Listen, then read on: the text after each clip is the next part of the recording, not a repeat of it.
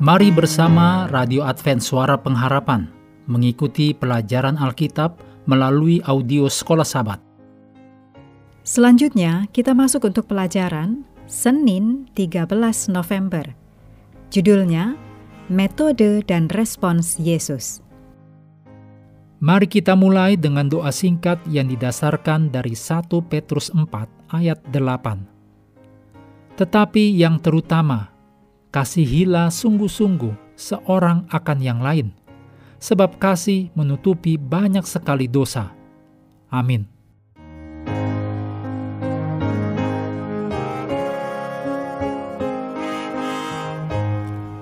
Kitab suci menyatakan kepada kita bahwa ahli Taurat itu datang untuk mencobai Yesus. Tetapi Yesus tahu motifnya.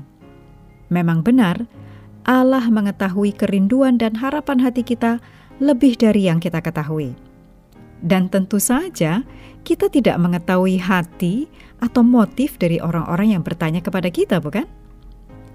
Kadang-kadang orang-orang dari agama yang lain bertanya kepada kita tentang iman kita.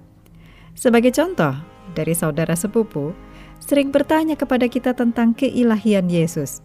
Contohnya, di mana dalam kitab suci yang menyatakan bahwa Yesus adalah Allah?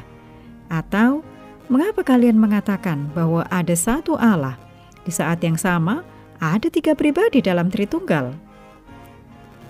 Walaupun mungkin kelihatannya pertanyaan ini bersifat provokatif, namun perasaan hati untuk mengetahui tentang Yesus bisa saja jujur dan bisa menggambarkan sebuah kerinduan atau kekosongan yang dalam dari mereka yang menanyakan pertanyaan-pertanyaan tersebut kita tidak tahu hati mereka.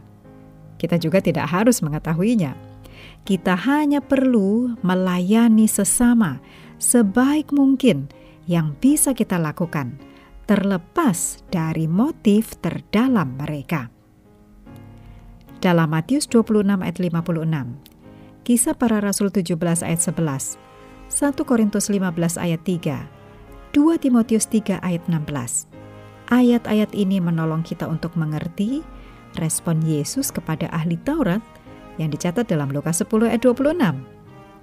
Jawab Yesus kepadanya, "Apa yang tertulis dalam hukum Taurat? Apa yang kau baca di sana?" Kadang-kadang kita menginginkan jawaban, tapi tidak berusaha sendiri untuk menemukannya. Yesus berkata, tadi sudah disampaikan dalam Lukas 10 ayat 26, apa yang tertulis dalam kitab Taurat? Apa yang kau baca di sana?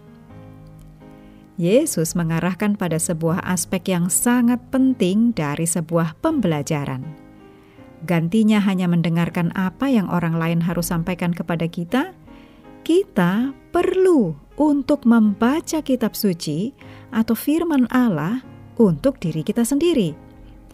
Jawaban sudah ada di sana, di dalam firman Allah dan Roh Kudus bekerja di dalam hati untuk meyakinkan kita apa yang harus kita perbuat. Allah telah memberikan firman-Nya kepada kita.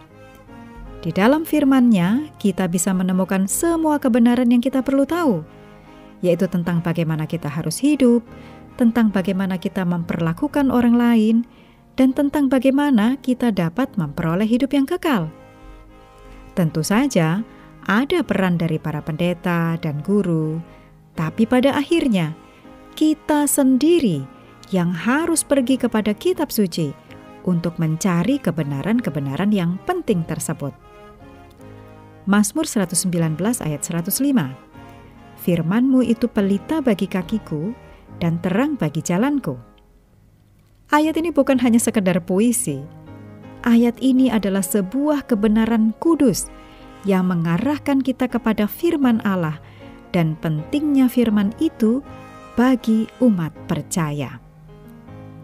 Yesus, firman Allah yang menjadi manusia, selalu mengarahkan orang-orang untuk kembali kepada firman yang tertulis. Hal ini seharusnya menyampaikan kepada kita tentang pentingnya kitab suci.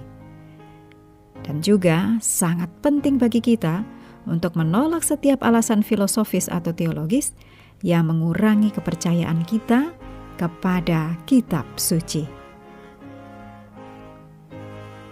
Mengakhiri pelajaran hari ini, mari kembali ke ayat hafalan dalam Lukas 10 ayat 27.